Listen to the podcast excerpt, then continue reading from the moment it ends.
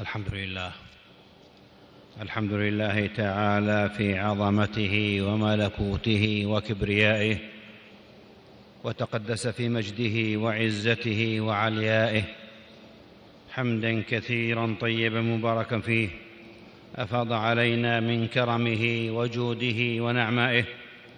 أحمده سبحانه وأشكره وأسأله المزيد من فضله وآلائه وأشهد أن لا إله إلا الله وحده لا شريك له شهادة أرجو بها الفوز يوم لقائه. وأشهد أن سيدنا ونبينا محمدا عبد الله ورسوله أفضل رسله وخاتم أنبيائه صلى الله وسلم وبارك عليه وعلى آله وأصحابه وأوليائه والتابعين ومن تبعهم بإحسان وسلم تسليما كثيرا مباركا. مزيدا إلى يوم جزائه. أما بعد فأوصيكم أيها الناس ونفسي بتقوى الله. فاتقوا الله رحمكم الله. اتقوه ما استطعتم. فقد أفاض عليكم من نعمه وفضله. ما عن شكره قد عجزتم. وجاءكم النذير وأبلغ في إنذاره لو سمعتم. اتقوه فتقواه خير واق. وفيها التنافس والسباق. واعلموا أن لكل أجل كتابا ولكل غائب إيابا ولكل عمل جزاء وثوابا. وأنتم إلى ربكم صائرون. وعلى طريق من سبقكم سائرون. وعلى من لا تخفى عليه خافية سوف تعرضون. اقترب للناس حسابهم وهم في غفلة معرضون. أيها المسلمون خلق الله الناس من نفس واحدة. يا أيها الناس اتقوا ربكم الذي خلقكم من نفس واحدة. نفس واحدة تكتسب بحكمة الله وقدرته أوصافا وتحمل سمات وتعيش أحوالا تتنازعها الشهوات والشبهات والمحبوبات والمكروهات ونفس وما سواها فألهمها فجورها وتقواها قد أفلح من زكاها. وقد خاب من دساها.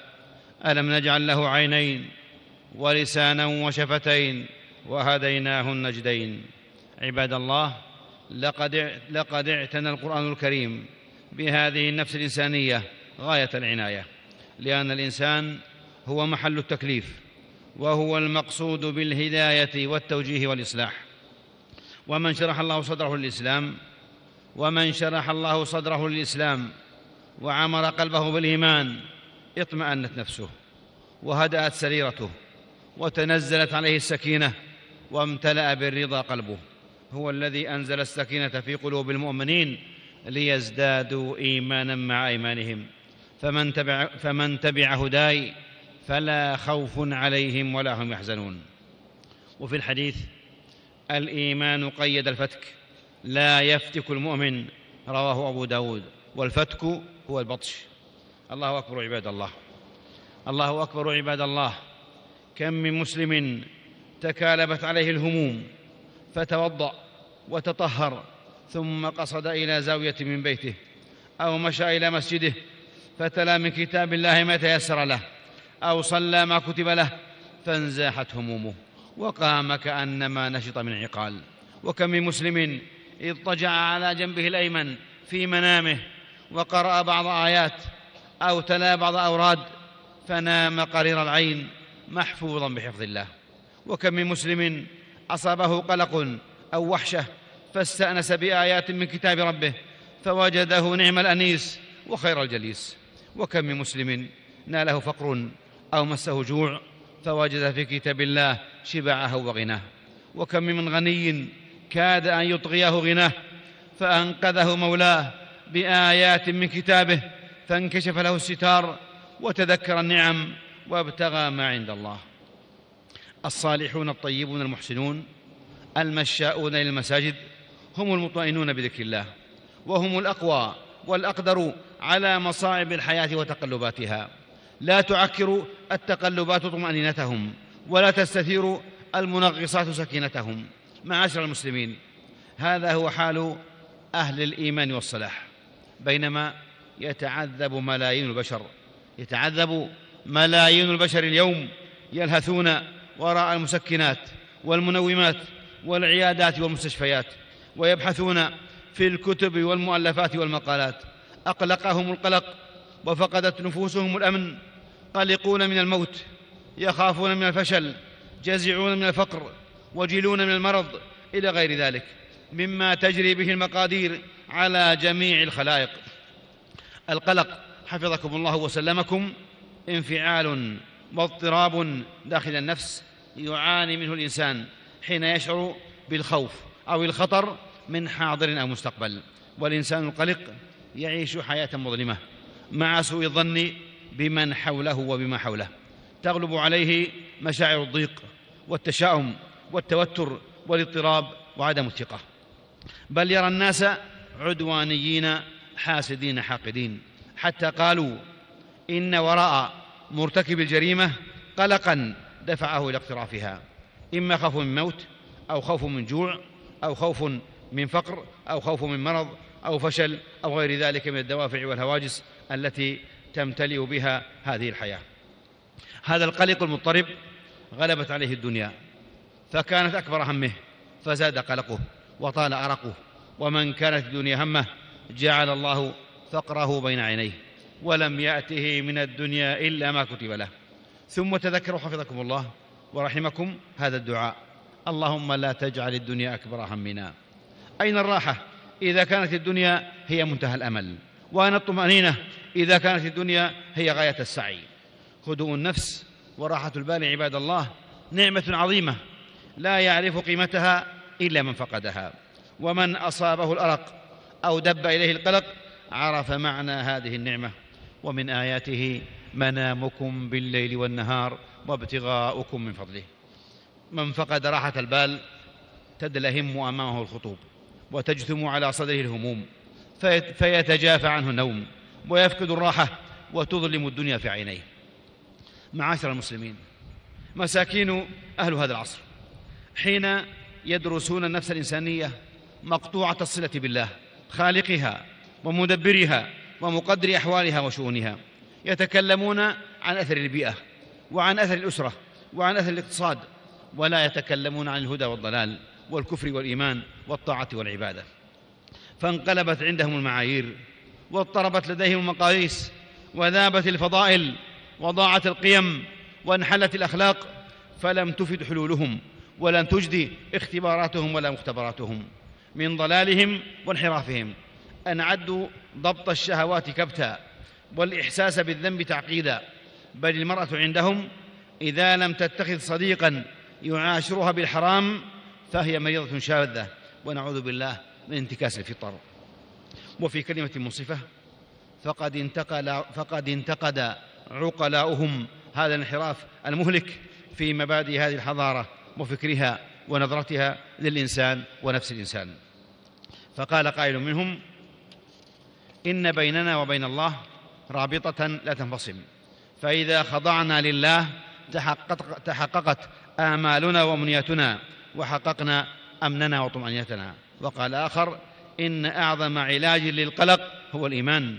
ويقولون الإيمان والاستقامة كفيلان بإبعاد القلق والتوتر. والشفاء والشفاء والشفاء بإذن الله من الأمراض النفسية. ويقولون الصلاة أقرب طريق لبث الطمأنينة في النفوس وبث الهدوء في الأعصاب. نعم عباد الله. لا حصانة للنفس ولا حفظ للمجتمع أعظم وأنجع وأسرع من الإيمان بالله والسير على هدى الله. الإيمان ينشر الأمان ويبعث, ويبعث الأمل والأمل يبعث السكينة والسكينة تورث السعادة. فلا سعادة بلا سكينة ولا سكينة بلا, بلا إيمان. فالإيمان هو الغذاء وهو الدواء وهو الضياء. صاحب الإيمان راسخ العقيدة حسن العبادة جميل التوكل كثير التبتل عظيم الخضوع طويل الخشوع مديم الذكر عميق الفكر ملازم للعمل الصالح واسع الصدر عظيم الأمل كثير التفاؤل. لا يتحسر على ماضيه باكيا. ولا يعيش حاضره ساخطا ولا ينتظر مستقبله خائفا قلقا. يقول ابن القيم رحمه الله لا تفسد فرحك بالقلق ولا عقلك بالتشاؤم. إنك لو تأملت حالك لوجدت أن الله قد أعطاك أشياء دون أن تطلبها. فثق أن الله لم يمنع عنك حاجة رغبتها إلا ولك في المنع خير تجهله.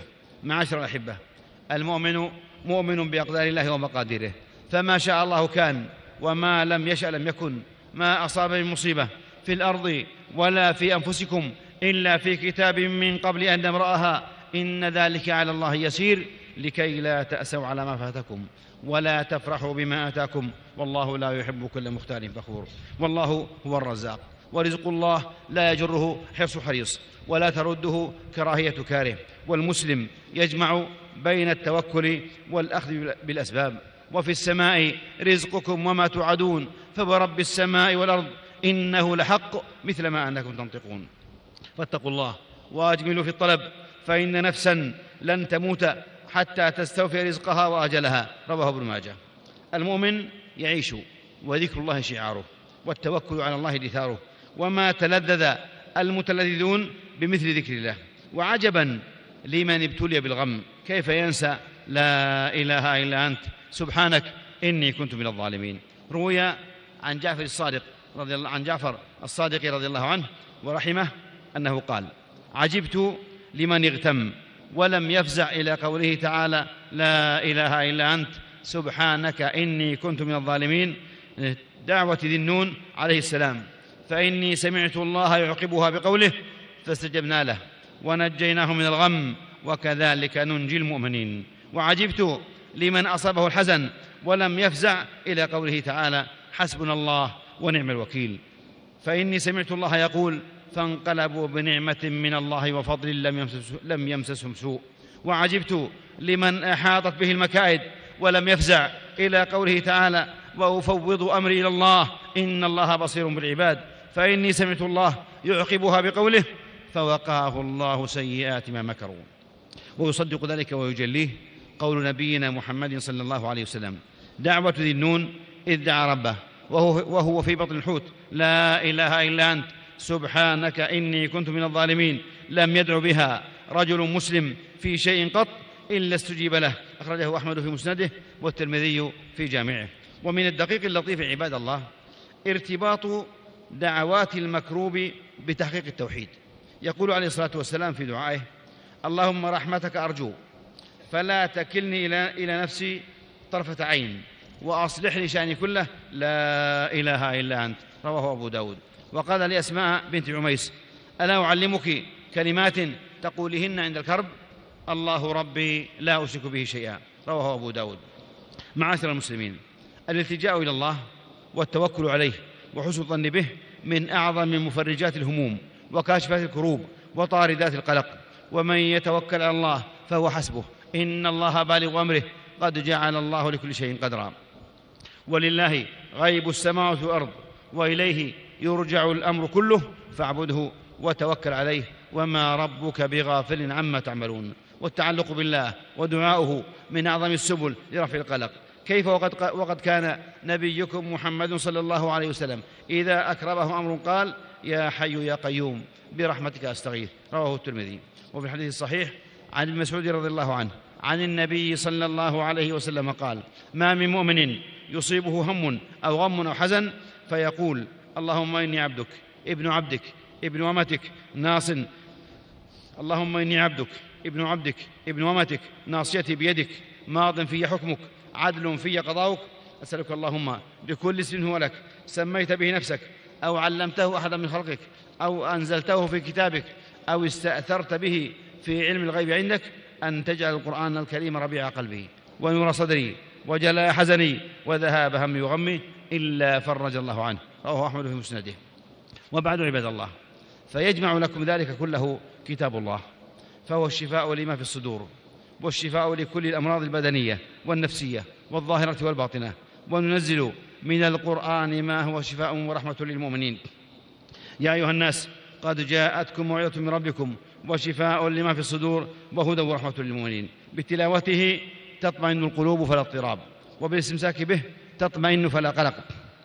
وبتدبره تطمئن فلا وسوسة. نفعني الله وإياكم بهدي كتابه وبسنة نبيه محمد صلى الله عليه وسلم. وجعل كتابه لقلوبنا دواء ولأبصارنا جلاء ولأمراضنا شفاء. اللهم آمين. استجب اللهم ربنا دعاءنا واغفر لنا إنك أنت الغفور الرحيم.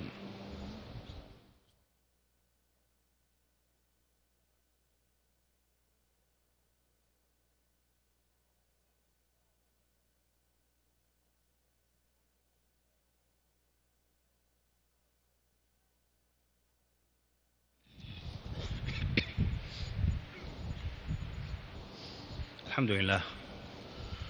الحمد لله فاطر الأرض والسماء جامع الخلائق لفصل القضاء وأشهد أن لا إله إلا الله وحده لا شريك له شهادة يسعد قائلها يوم الجزاء وأشهد أن سيدنا ونبينا محمد عبد الله ورسوله سيد المرسلين وخاتم الأنبياء صلى الله وسلم وبارك عليه وعلى آله السادة الكرام الأصفياء وأصحابه الغر الميامين النجباء والتابعين ومن تبعهم بإحسان وسار على هديهم فاهتدى وسلم تسليما كثيرا طيبا مباركا. أما بعد معاشر المسلمين أما ما كان من القلق حافزا الخير وباعثا على العمل فهو قلق محمود بل هو خير وفضل ونعمة.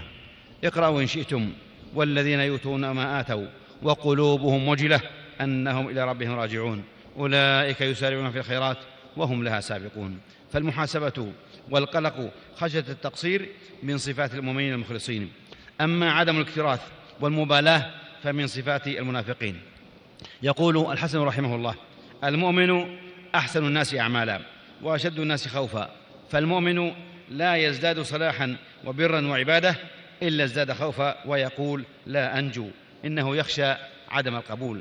المؤمن لا يخاف إلا الله يخاف أن يكون فرط في حقه ويخاف أن يكون قد اعتدى على خلقه. كما قال أبو الأنبياء عليه السلام وكيف أخاف ما أشركتم؟ ولا تخافون أنكم أشركتم بالله. ما لم ينزل به عليكم سلطانا فأي الفريقين حق بالأمن إن كنتم تعلمون. ألا فاتقوا الله رحمكم الله. وأعملوا مشفقين وجدوا حذرين واستحضروا, واستحضروا مقالة عباده المؤمنين إنا كنا قبل في أهلنا مشفقين. هذا وصلوا وسلموا على رحمة المهداة والنعمة المسداة نبيكم محمد رسول الله. فيومكم هذا هو سيد الأيام ونبينا محمد صلى الله عليه وسلم هو سيد الأنام. فالصلاة عليه فللصلاة عليه في هذا اليوم قربة ليست لغيره. وكل خير نالته هذه الأمة في الدنيا والآخرة فإنما نالته على يده عليه الصلاة والسلام. فجمع الله لأمته خير الدنيا والآخرة. فقد أمركم بذلك وقد أمركم بالصلاة والسلام على وقد أمركم بالصلاة والسلام عليه نبيكم رب ربكم عز شأنه في محكم تنزيله. فقال وهو الصادق في قيله قولا كريما إن الله وملائكته يصلون على النبي. يا أيها الذين آمنوا صلوا عليه وسلموا تسليما. اللهم صل وسلم وبارك على عبدك ورسولك سيدنا ونبينا محمد الحبيب المصطفى والنبي المجتبى وعلى آله الطيبين الطاهرين. وعلى أزواجه أمهات المؤمنين. وارض اللهم عن الخلفاء الأربعة الراشدين أبي بكر وعمر وعثمان وعلي وعن الصحابة أجمعين والتابعين ومن تبعهم بإحسان إلى يوم الدين. وعنا معهم بعفوك ووجودك وكرمك يا أكرم الأكرمين. اللهم أعز الإسلام والمسلمين. اللهم أعز الإسلام والمسلمين. اللهم أعز الإسلام والمسلمين. وأذل الشرك والمشركين. وخذ الطغاة والملاحدة وسائر أعداء الملة والدين. اللهم آمنا في أوطاننا وأصلح أئمتنا وولاة أمورنا واجعل اللهم ولايتنا في من خافك واتقاك واتبع رضاك يا رب العالمين.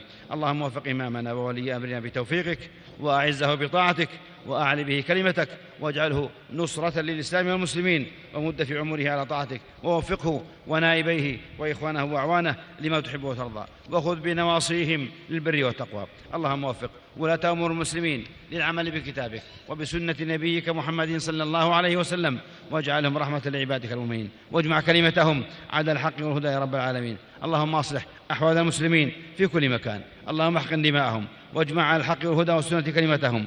وول عليهم خيارهم واكفهم أشرارهم وابسط الأمن والعدل والرخاء في ديارهم واعذهم من الشرور والفتن ما ظهر منها وبطن اللهم من أرادنا وأراد ديننا وديارنا وأمننا وأمتنا وولاة أمرنا وعلماءنا وأهل الفضل والصلاح والاحتساب منا ورجال أمرنا وقواتنا ووحدتنا واجتماع ووحدتنا واجتماع كلمتنا. اللهم من أرادنا بسوء اللهم فأشغله من نفسه واجعل كيده في نحره واجعل تدبيره تدميرا عليه يا قوي وعزيز. اللهم يا ولي المؤمنين اللهم يا ولي المؤمنين ويا ناصر المستضعفين ويا غياث المستغيثين يا عظيم الرجاء ويا مجير الضعفاء. اللهم إن لنا إخوانا مستضعفين مظلومين في فلسطين وفي سوريا وفي بورما وفي أفريقيا الوسطى. قد مسهم الضر وحل بهم الكرب واشتد عليهم الأمر.